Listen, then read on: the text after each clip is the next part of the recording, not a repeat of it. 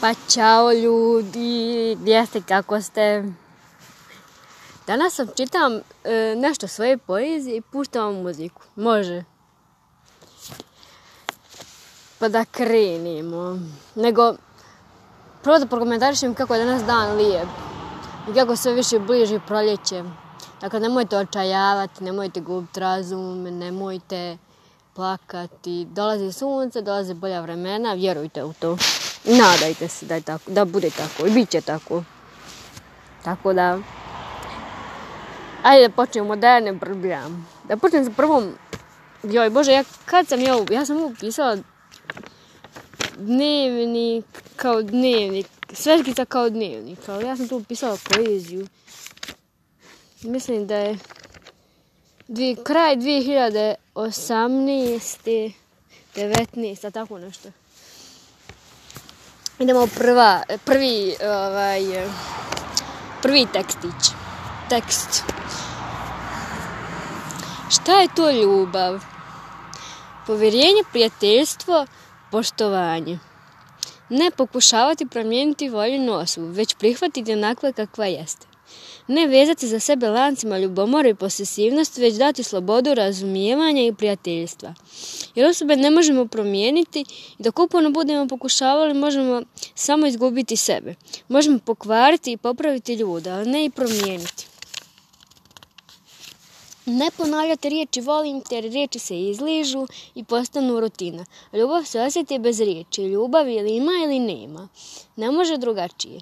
Ljubav ne navika, želja, a ne obaveza, jer ne može drugačije. Ok, to je bila pr prvi tekst. Idemo dalje, da vidimo šta da nađem, nešto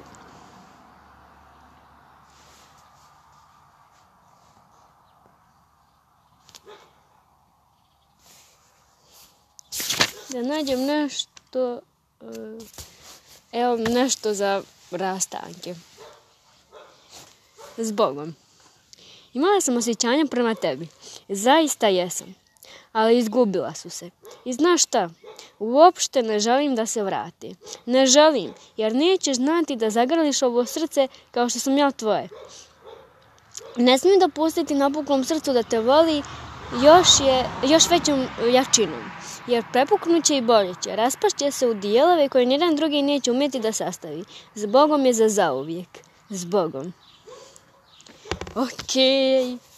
Sad ne znam da li ovo nekome bilo posvijećeno ili nije. Ne mogu se sjet. Možda jest. Ne znam. Evo ga. Laž. Kaže nešto o laži u ljubavi. Kako je kad čovjek laže i kad nekog voli. Jer te to nije ljubav da vidimo šta sam mu napisala. Lagati nekoga da voliš isto je kao sjeckati luk i zadržavati suze.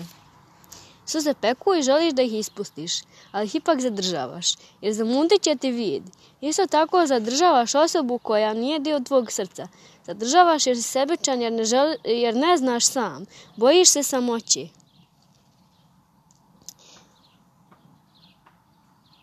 Možda ti se zamuti vid, ali kad suze krenu da pljušte, osjetit ćeš olakšanje i teško neće biti poslije odlaska srcem nevezane osobe. Dakle, bolje pustiti nekoga nego zadržavati kraj sebe e, čisto zbog navike, zbog, e, zbog neke rutine, zbog toga eto, da ne budem sam ili sama. Znači, bolje, ne, bolje, bit, bolje budite sam nego raditi tako nešto. Em što ćete varati u, u tome svemu, em što vi nećete biti srećni, ni ti, ni, vara, ni ta osoba. To je ono što ja pisac htio da kaže kroz ovu pjesmu. Idemo dalje, da vidimo šta ima. Ok, ima jedna pjesma što je bila posvećena. Ne znam da bi je čitala. Nije vezi. Nesavršeno, mislim da tu ovaj, pjesmu imam na Instagramu. Znači, ko ne zna za moj Instagram, otiđite i posjetite. Znači, Instagram se zove Ante Vazin i tu pišem Ante Vazin. Znači, Ante e Vazin. Znam da ime čudno ovaj, i, i drugačije dosta. Znači, tamo pišem poeziju i tako o raznim temama, još o svemu i svačemu. Prebacujem neke dijelove sa čajnog radija tamo. Tako da ako ne znate za tu stranicu sa radija, molim vas čekirajte tamo. Mislim ako vas zanima, ništa ja ne silim, ništa ja ne, ne molim. Samo vi ako hoćete otići i pogledajte, zaprate me. I bilo bi mi drago da me zapratite. Ok, Violeta. E, e, e, nesavršena. E, da, htjela sam to da kažem, da tu, ovaj, da tu pjesmu imam na stranci. Mislim da imam tu pjesmu na stranci. Ili nemam, ne znam. Čekaj, čekajte da vidim da li imam ovu strancu ili nemam. E, da li imam ovu strancu? Da li imam ovu pjesmu? E, sačekaj, tata, snimam. Tata je upravo stigao i onda... Ali čuj, čuo bi svakako. On... E, da li da vid... E, e, da li imam ovu pjesmu? Mislim da nemam. Imam nešto slično. Imam nešto slično, imam sliku koju sam objavila svoju i neki tekst nešto vezano slično je ovom, nesavršeno se ovaj tekst zove, nešto vezano za mene, slično je dosta. Tako da ono koga zanima može da odi na stranicu pa da pročita to. Da ne čitam sad ovo zato što tamo već ima, pa onda oni koji znaju za ovaj radio znaju o čemu pričam. Molim vas, nemojte se ubiti. E, ovo je posebna tema, stvarno. Jedan tekst sam već napisala, jednu pjesmu isto imate na stranici. Ovo sam davno pisala, mislim prije dvije, tri godine. I objavila, pa sam pobrisala, pa... Uglavnom, život je vrijedan. Živjeti svaki moment. Znam da je teško. Depresija je ozbiljna stvar. Depresija se liječi. To je stvarno posebna tema.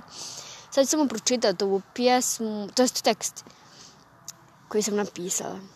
Ako ikad pomisliš da ništa nema poentu, vjeruj da nije tako. Ako ikad odlučiš da odeš, neće boljeti tebe nego druge. To je voljeni, prijatelje, porodicu, poznanike. Povrijedit ćeš ih. Nemoj to da radiš onima koji bez tebe ne mogu da zamisle sljedeći trenutak. Iako izlaza nema i kiše da liju danima, udahni, izdahni, osmijehni se životu. Iako nam usredno udara, boli, kida, izdrži. Osmijehni se, vjeruj u sebe.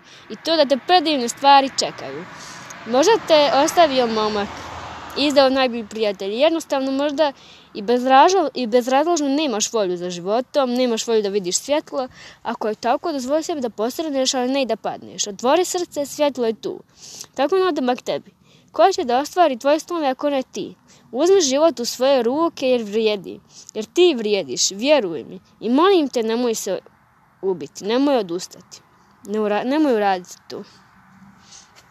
To je to što se ovog teksta tiče. Mislim, tiče, mislim da je rečeno i više nego e, što, što bi ja rekla sad ovako. Dakle, život je, život je čudo. Znači, živite svaki moment, jer ima dosta njih bolesnih, dosta njih e, fizički klonuli. I ako vam treba razgovor, javite se meni, idite psihologu, pomozite sebi, nemojte se stiditi, nije sramota biti bolestan. Znači ono što stvarno nije sramota je biti bolestan. Idemo dalje. Da vidimo šta sam ja to još pisala. Ok, mislila sam, htjela sam puštati muziku, da vidite, to sam zaboravila. Mm, mm, da vidimo. Šta sam ja to još pisala?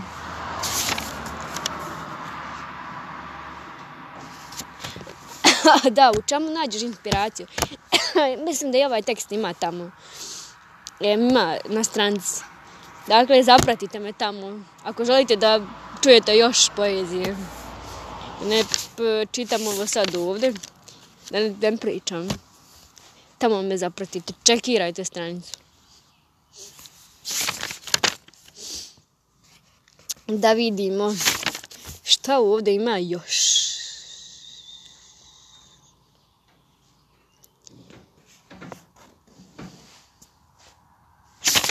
Gledamo, gledamo.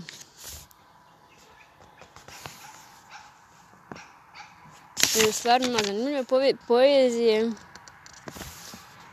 negdje u mojim snovima ožiljak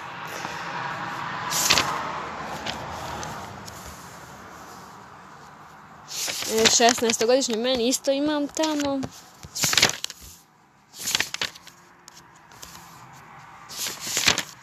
Zvaću te, imam isto tamo. Čekajte, čekajte. Mora biti još nečega ovdje. Ja, ovaj tekst jedan sam uh, posvitla nekome. Ja. Ali dobro. To je jedan momak iz srednje škole. I, i, i onako... Poslije se on oženio čak i, i... Ali dobro. To sam bio neki fart kao... E, tako. Sad ima... Mislim da ima dvije cure, ne znam. Ima dječaka i curcu, ne znam. Ali uglavnom nije bitno. Joj bože. Uglavnom to je bila neka platonska ljubav koja je prošla. Kaže ovako. Znači, slušajte ovo sad. Kad bih mogla da vidim svoju budućnost, ne bih željela. Kad bih mogla da vidim prošlost, ne bih željela. Jer i postoje te budućnosti, postoji budućnost, koja će biti današnja prošlost. Da li malo ili nemalo, sve prolazi. Zar nisam u pravu? Da li malo ili nemalo, sve prolazi. I prošlost i budućnost i sve. Dakle, sad se treba nadati nečemu dobru. I, i vjerovati u to nešto dobro. I dalje ne puštam muziku, jako sam rekla. Mada ne znam šta vi slušate i, i e, šta da pustim. Mogla sam pustiti nešto. Ne znam šta da pustim. Ne znam, tačno ne znam koju pjesmu da pustim. Možda i neću puštati sad. Iskreno nemam pojma šta bi puštala. Možda ćemo samo da prelistamo ove, da prolistam samo ove, ove svoje tekstove i poeziju koju sam prije pisala. Ne volite, evo baš gledam, ovo isto imam na stranici. Slušam kišu.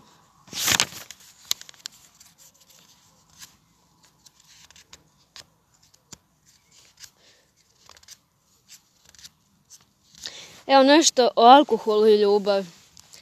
Pa kaže, moram da ti kažem da alkoholom se rane ne liječe, samo još više žariš. Ne mogu da prođu, bar ne one unutra, ne, bar ne ono unutrašnje krvarenje, ne vrijedi ni pet aneks. Kad posle zadnje kapi dozivaš onu koju nemaš. Alkohol budi, a ne briše surova osjećanja.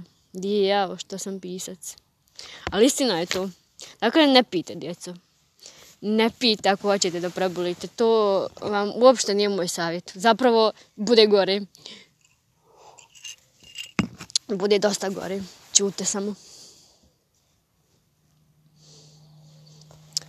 Da vidimo šta ima još.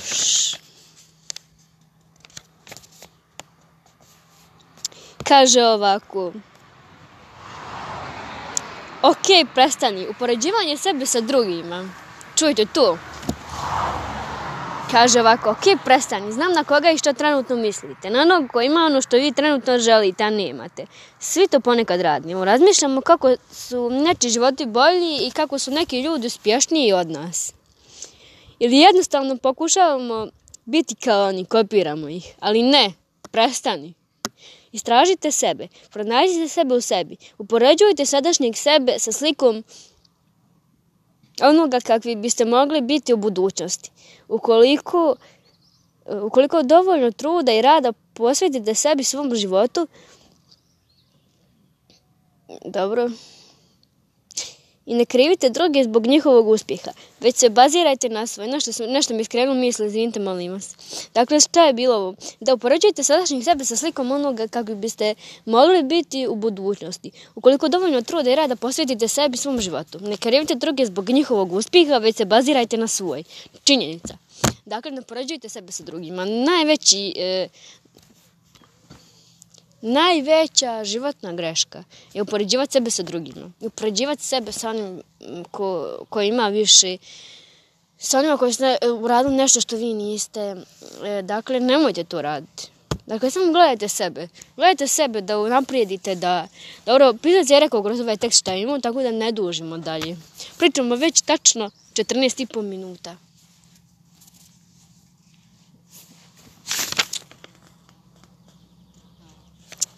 Kaže ovako, o čemu pišem? E, e, mislim da imam i to na, na stranici.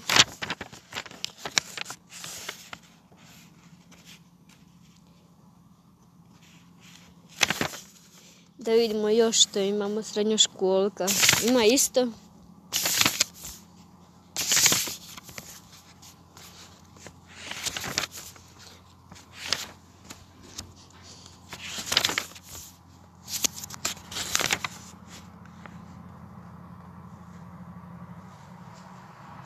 Kaže ovako, svaki put kad pomislim da sam istrošila riječi kao svanuće, ispišu se novi.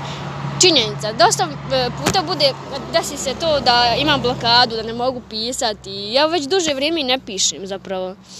Od prije dva dana sam napisala pjesmu. Šta da da? Dobro, snimam ja. Ovaj, znači, dosta puta se zna tako da imam blokauke, to sam rekla. Gdje sam stala, gdje sam počela, oj, bo, gospode. A da, ovaj, da, da se, evo, u zadnje vrijeme baš nisam pisala. Dakle, prije dva, prije dva dana sam napisala pjesmu. Poslije, ne znam, ja, pola godine. Eto. Dakle, imala sam baš blokadu i baš, ono, nisam pisala dugo.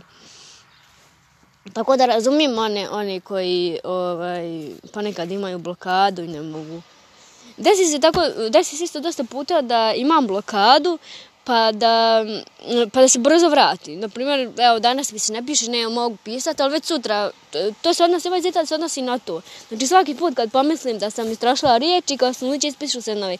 E, znači, to, je, to, to se odnosi na to. Danas mi se ne piše, ne mogu uopšte pisati, već sutra pišem. Ali tako veće blokade nisam imala do sad. Znači, ovo je već pola godine kako nisam pisala ništa i, i stvarno, ovaj, i čudno mi je to što, kao da mi se nije dalo, jer samo nije mi se dalo uzeti papir i olup.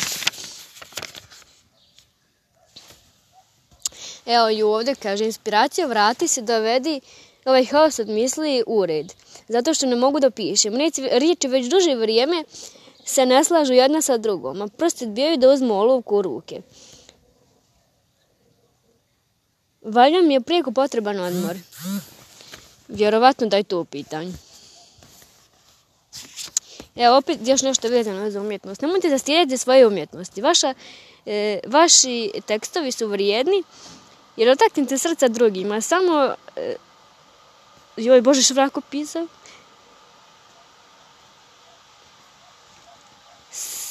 Samo posebni ljudi mogu za, samo za, zatucan Čekaj, ajte ponovo da pročitam.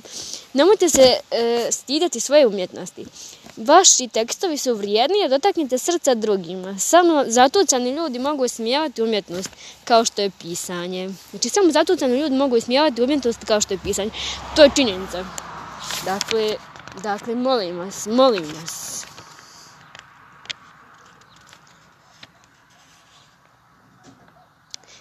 Jao Bože, ovo je nekom posvećeno. Pošto kraj teksta piše volim te srećan rođendan. Ok, nekom je bio rođendan. Ček, ček, e, ne mogu se sjeti sad.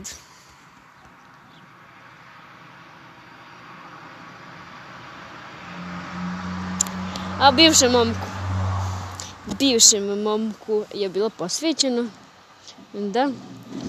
Kad sam te upoznala, nisam znala da ćeš postati dio mog života. Iako sam kao kamen i djelujem kao da ne želim da budem prisutna u tvom životu. Treba da znaš da si, da si ti, da, si mi, da mi je tekako stalo. Želim ti da budeš istinski srećan, a znamo da sreća prate i uspjeh i ljubav.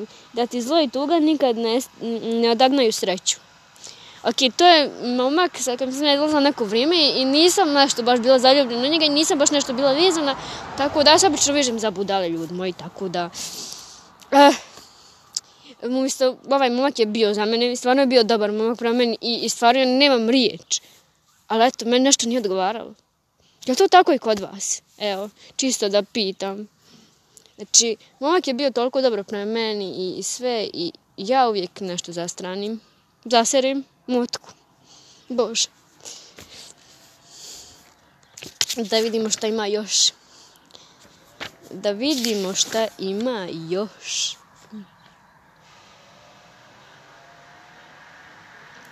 Kaže ovako, ako, razumije, ako ne razumiješ moj svijet, zašto, zašto, zašto si još prisutan u njemu, postojan? Ako ne razumiješ moj svijet, zašto si još postojan u njemu? Prisutnost. Hm. Za sve ljude koji misle da žele biti dio mog života, adios, čao, široko vam polje. Ja nikog ne da bude uz mene.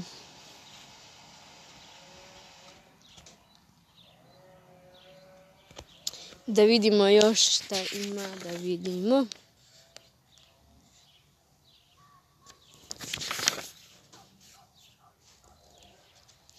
Krenula sam da pišem tekst o analiziranju, vidim da sam ovdje nešto išvrljala, ali uglavnom ja sam osoba koja previše analizira. Znači svaku zetnicu u životu. Ja sam ljudi izanalizirala. Da je to nevjerovatno. Samo analiziram. Što god se desi, ja to milion puta prokrinem u, u glavi, sačuvaj me Bože. Tačno nisam dobra. Kaže, zaboravljeno ne živiš. Prošlo je vrijeme kad si bio ona želja i zvijezdica u zvijezdici koja sklizne niz oblake. E, čak si prestao da budeš iz srca one 16-godišnjakinje. Moram se nasmijati. Izvinite, ja se moram nasmijati. Mislim da zna i je bilo posvećeno. Tako da, a tad se je to velika ljubav mog života. Sa 16 godina, joj bož, joj bože što mi se buradim od života. Tad ne znam da li bi nastavila čitati ovo. Ali dobro, tad je to napisano s emocijama i tad je to bilo baš, ja to trebam da prebolim, jel? A ono, prc, nije od ljubav. Kakva crna ljubav, nego neka, bože, dječja nešto, nešto, ne znam. Ne mogu da opišem.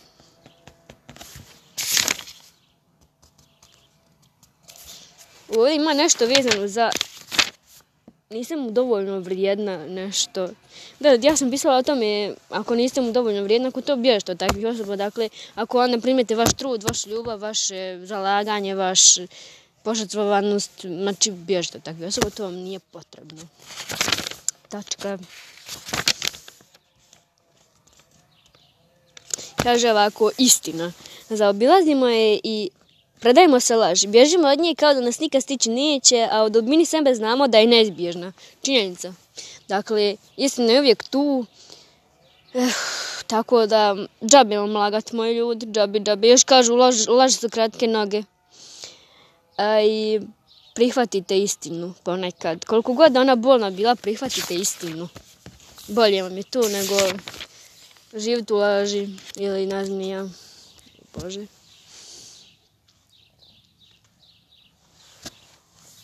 Kaže, živim u toksičnom životu po sebe i ne radim apsolutno ništa kako bi to promijenili. To je činjenica.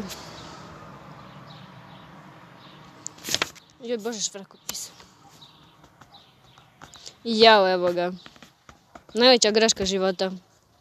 Boga. E, moji vi ljudi. Kaže ovako, ja ne znam zašto sam na tom momku ikada pisala, juj, sveta majko, ne zaslužio je slova, a kamoli riječ, kamoli pjesmu.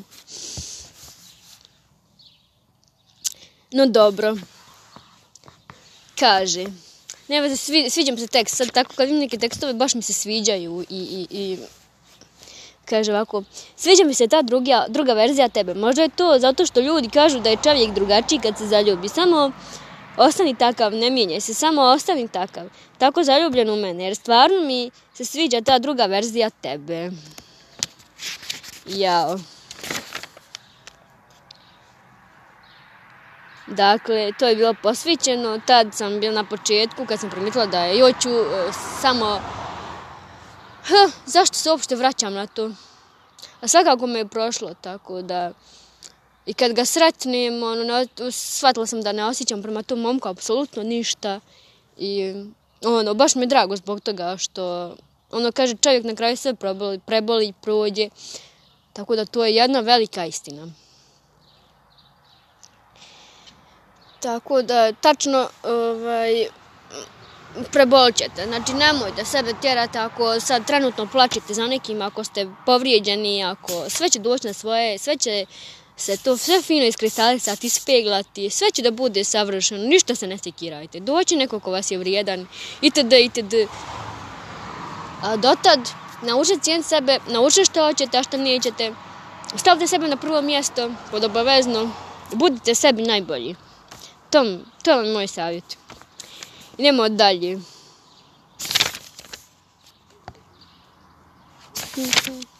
Da vidimo što ima još.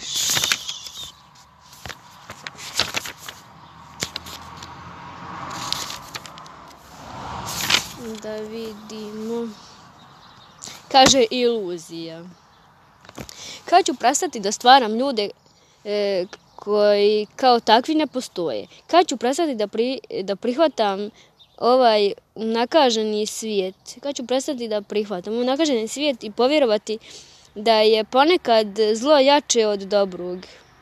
Opa, zašto sam ovo pisala? Vjerojatno sam se razočarala, razočarala ili nešto. Kad ću prestati da, da idealizujem, kaže Violeta. E, nemojte idealizovati. Ovdje sam nešto bila razočarana. Vjerovatno vidi se, o, osjeti se neka energija. E, vjerovatno iz razočaranosti, razočaranosti sam pisala. Dobro, idemo dalje.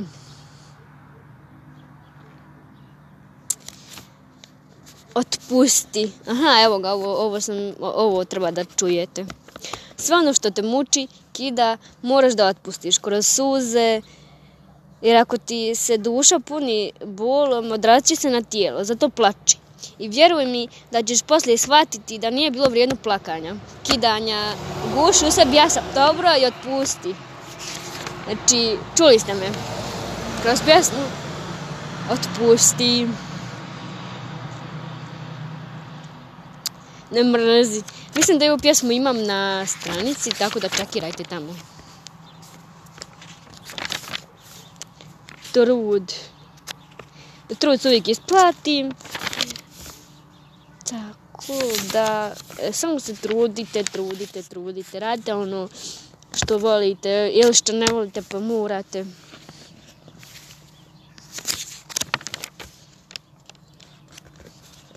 Kaže, zaborit ću te. Zabolet ću te. Neko vrijeme sam pisala ikavski. Inače, Beograd obožavam, obožavam ikavski jezik i neko vrijeme sam pisala ikavski na početku stranice. Čak sam pisala ikavski, ponekad sam znala o baskoj riječi ikavskog. E, inače, ja pričam i i iz Banja Luke sam. Ono koga zanima. Joj Bože. Joj Bože. Samo joj Bože. Violeta ili joj Bože. Da pročitam pjesmu. Zabolet ću te. Zabolet ću te onda kada nesvjesno e, uočiš sitnicu koja će te podsjetiti na mene. Zabolit ću te onda kada vidiš negdje onda kada me vidiš negdje gdje neću biti. Zabolit ću te svako, e, svakog dana svi šest dana u sedmici, a nedeljom kad se probu, a nedeljom probudiš a nedeljom kad se probudiš kad je tamo neki ogledaš moj lik umjesto njen, shvatit ćeš koliko sam te voljela i nećeš moći da dišeš jer bolje će. Bolje će te i kad budeš pomislio da ću kao dijete da ti dotrčim, nestaću. I bolje ću te vjeruj. Tijelo. Jao. Ovo je isto bilo dio srca i dio emocija i dio... Huh baš naježim čitajući ovu pjesmu. Tako da, onako baš je jaka bila i baš, baš, baš. da vidimo šta ima još.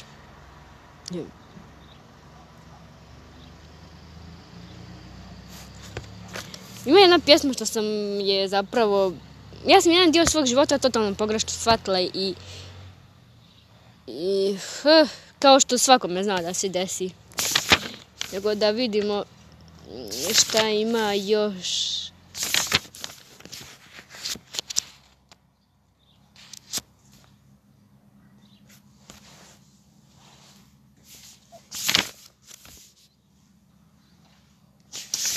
Evo ga listam, tražim.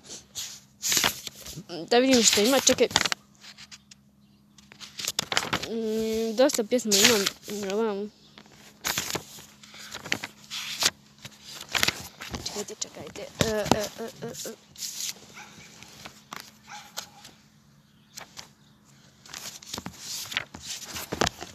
Drugi dnevnik. Da vidimo ovdje. Ovdje imam veoma zanimljivih pjesama. pjesmica. Aha. Sve što me zadesilo, bojim se da će ti naplate života pokucati na vrata. I opećite svaka moja krvava suza. Nadam se da ti od bola neće zakrcati koljena onog momenta kada ti nada isklizne kroz ruke, da nećeš proklinjati sebe kao što sam ja tebe. Tada sam to htjela, sada se plašim za osobu zbog koje sam na ivici očaja klizila. Jao, jao, jao. Dosta, dosta emocija, dosta dajem sebe kad pišem, dosta trudim se da dosta se trudim da uh, uđem u tuđe živote, da iskažem tuđe emocije, da, uh, da onako baš baš da, da vam se približim, da se pronađete u tome, da kako bi rekla, da jednostavno budem, da srastem s vama na neki način.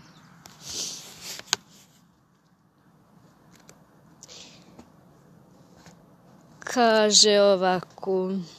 Nisam od onih koji se skrivaju, bježe od sebe pa i od drugih. Imam naviku da stojim za svoje izrečene riječi, ne bojim se vatre već žara. Imam osjećaj da se e, svijet okreće oko mene, a da u, to, da u toj vrtoglavoj brzini ipak ne, izgu, ne gubim sebe. Trudim se da ostanem svoja, da ne pravim korak uz ostale, da se ne sjedinim sa upregnutim mašinama i da drugači, i da, drugačija sam i trudit ću se da ostanem takva.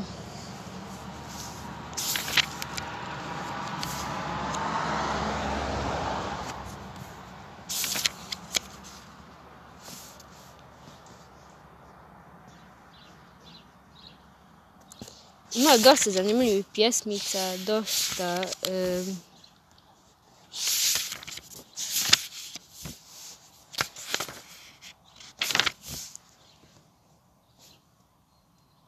Kaže o ljubavi. Je li to ono što tinja vječno, ono što zarazi srce bez upozorenja? Naješ pri pogledu i osmih pri dodiru. Meni je ljubav tapkanje u lokvi suza, obrljena tuga srca, nježnost u osmihu bol, čekanje sada koje nazad da se vrati tišina, zagrlja i bez, e, bezvremenu sa bezvremenom sreć, be, i bezvremena, bezvremena sreća. Ok, ok. O, ovdje sam mislila vjerovatno da ga neću preboliti nikad, e, pa je ta istoga nastala pjesma da. E, tako da, dosta pjesama ima posvećeno tom momku, tako da baš gledam onako i, i je tačno, ono, možda prije pokidala te stranice, ali sad kažem da, da su pjesme baš onako fine i ono, možda su... Kajem se zbog toga što sam upisala iskreno. Ali opet, kaže, nastala dobra poezija i, i nikad, znači, ali nikad nemojte da dajete šanse e, ljudima koji prolaze, koji su samo prolazno u vašem životu, koji zapravo uopšte nisu ljubav. Dakle, ne dajte šanse tim ljudima kad shvatate da, ste, da su vas povrijedili. Koliko god da on bilo uporno, šta god da on radili, zanemarite, prebolćete. Ja sam prebolila, vjerujte da, da sam mislila da neću nikad. Ali evo, Boga ima, Tako da ne dajte šanse. Budite, imajte karakter, imajte stav. Te osobe vas neće usrećiti. Te osobe će vas samo još više povrijediti. Tako da ne dajte im šanse. Ok, rekla sam to već jedno. Idemo dalje da vidimo. Kaže ovo disciplina. Nikad ne raci zašto ja, nego je to sve. Kad dođe disciplina i pokretač koji će ti dati snagu, Bez stava poraz dobijaš. Život ti neće dati ono što ti treba, nego ono što zaslužuješ. A, a zaslu...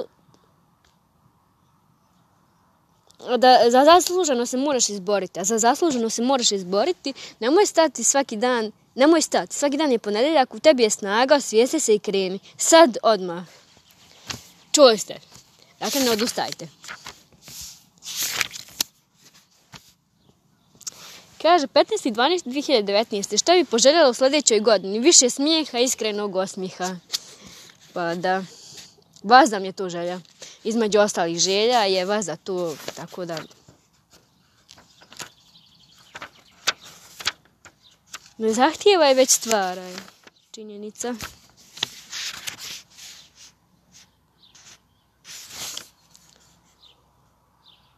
Kaže ovako. Prvi, prvi 2020. Znači, u sljedećoj godini. Treba ćeš sebi, čuvaj se i od snova ne živi, već ih oživi. Svaki put je tvoj izbor. Biraj sebi borbu, izvuci iz nje dašak života. Imaš jedan, ne mimo ilazi ga zbog drugih. Živi ga zbog sebe. Čuli ste. Dakle, trudite se u životu, e, gurajte naprijed, nemojte se zadržavati u prošlosti itd. Tako da, ajde da mi čitamo poeziju, da ja se ne, ne nadovezujem nešto previše, da ne čavrljam, pričam, pričam 35 minuta. Tako da vidim šta ima još nešto da izdvojim pa da završavamo. Treća osoba smo bili mi. Hm.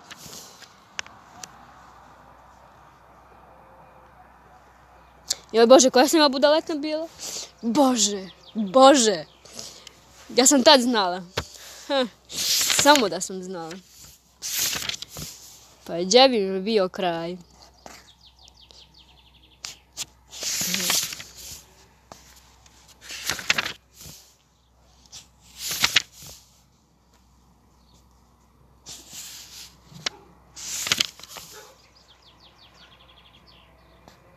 Pazite ovo.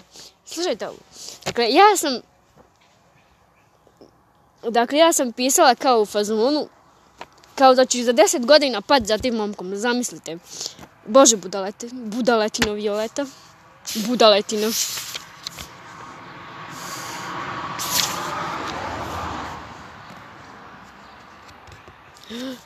Joj, Bože.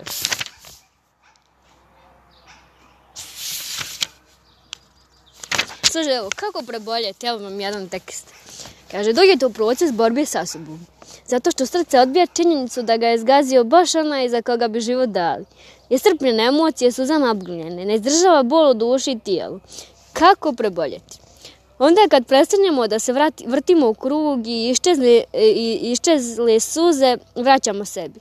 Onoliko dugo koliko se budemo vraćali svemu, toliko će i boljeti. Sve se završava postepeno. Znači postepeno. Ništa ne može preko noći. Pa tako i bul. Nije do vijeka. Tako što ne žarimo žar na otvorenoj rani. Nego jednostavno svoj život stavimo na prvo mjesto. Tapkanje u mjestu neće pomoći. Umjesto toga bolno sjećanje zaobiđemo kada nam u susret dođe. Postepeno. Tražimo smisao i ljubav u sebi. Postepeno nam postaje jasno koliko nije vrijedno suza i počinje da se e, gadi sve što na ljubav se zvalo. Postepeno preboljevamo i srce oporavljamo. Naravno ne sa bilo kim, nego sa sobom. Pazite zadnju rečenicu, ne sa bilo kim, nego sa sobom. Dakle, ne tražite uspjeh u drugome. Povričite tu osobu, povričite sebe ponovo. Dakle, pokušajte ne tražiti nekoga kako prebolu tu osobu. Nemojte tražiti nekoga kako prebolu tu osobu. Moj savjet vam je i u većini slučajeva je tako, dakle, ako baš nekog, baš, baš nekog volite i onda to se završi iz nekog razloga i sad da odmah krenete u drugu vezu sa nekim drugim, to nema smisla. Drugo su ove kraće veze i šta ja znam, veze gdje nije bilo ljubav, gdje se normalno rastali, to da. Ali ovo ovako nešto, ako baš, baš patite za nekim i da tražite utjehu u nekom, neće, neće vam biti bolje. Tako da povrijeđite i drugu osobu i da, da se ne ponavljam. Aha, evo ove pjesmice, zato što sam to ja. Aha, eto, to je, to je ovaj tekst e, što ima na stranicu uz moju sliku jednu, u crvenoj haljinici. Ja sam bila nekoj proslav, ne znam. Sama sebi otvori, ostvari želju, sama sebi.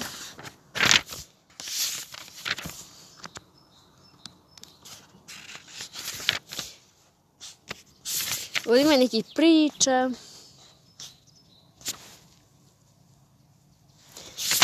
I ne znam, ja...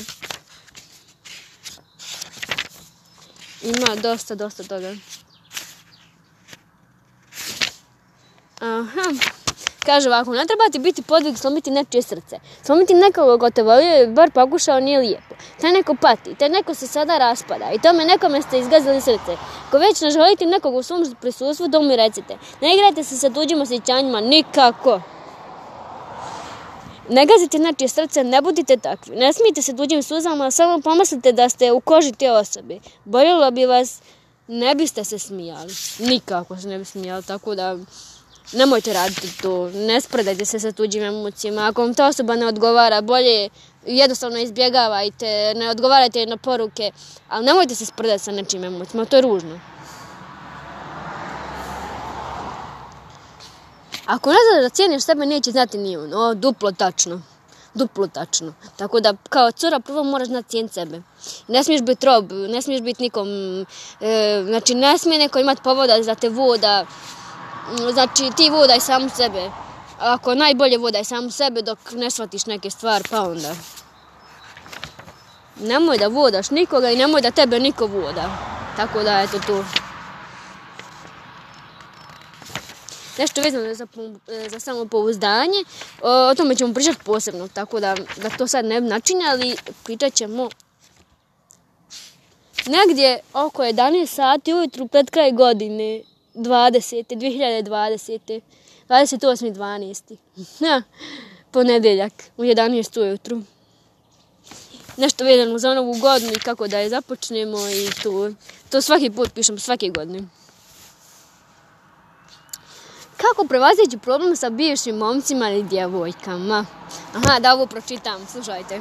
Kaže, oni su bivši, jako ih spominju, vaši momci ili djevojke, to nema nikakve veze sa vama. Oni vole vas i sa vama su sada. Samim tim što im prebacujete to, samo će ih približiti nekome drugom. Čak ne njima, čak ne bivšima, dakle, nego nekome drugom. Odbićete ih sa tim što im prebacujete te bivše momke i cure.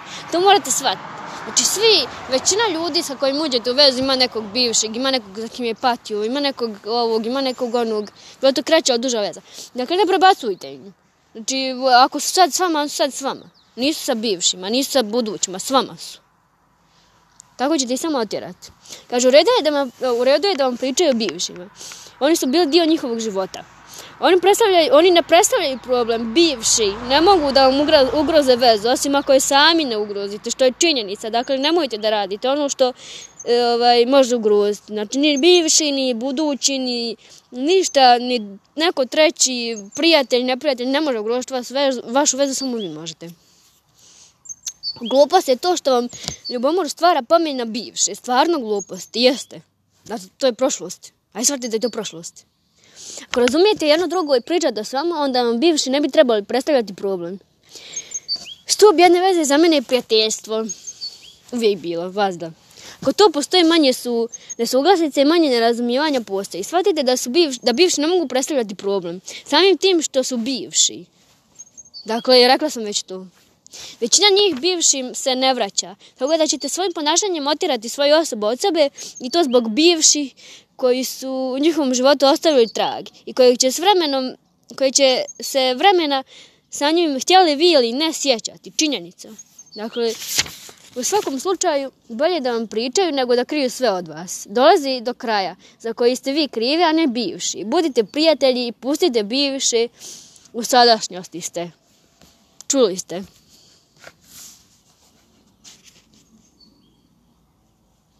Kaže ovako, koliko god da vas ljudi sastavljali ili rastavljali, ne mogu ništa.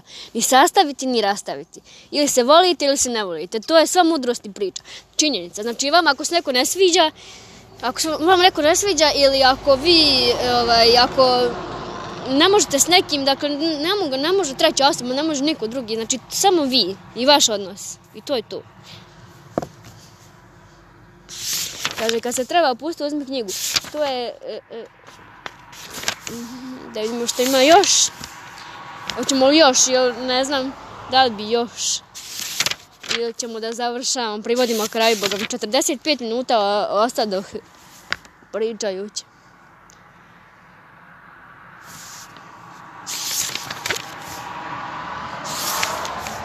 Evo pri kraju smo i ovog dnevnika, tako da, pa to bilo to otprilike. Dakle, čuli ste dosta vezano za, e, za moj poeziju. Dosta poezije sam vam ovde izrecitovala, ispričala, nadovezala i tako dalje i tako bliže. Tako da, ovaj, budite mi dobri, čuvajte se, ne dajte se, plačite, nemojte samo puno, niko nije vrijedan suza, koliko god da to sad djelovalo teško, koliko god da se trgate, sve će to proći, sve će jednom biti ok. Šaljem zagrlja, ljubav, sunce, sve ono najljepše najbolje, najveselije pjesme, ma sve, sve, sve. Ajde, čao!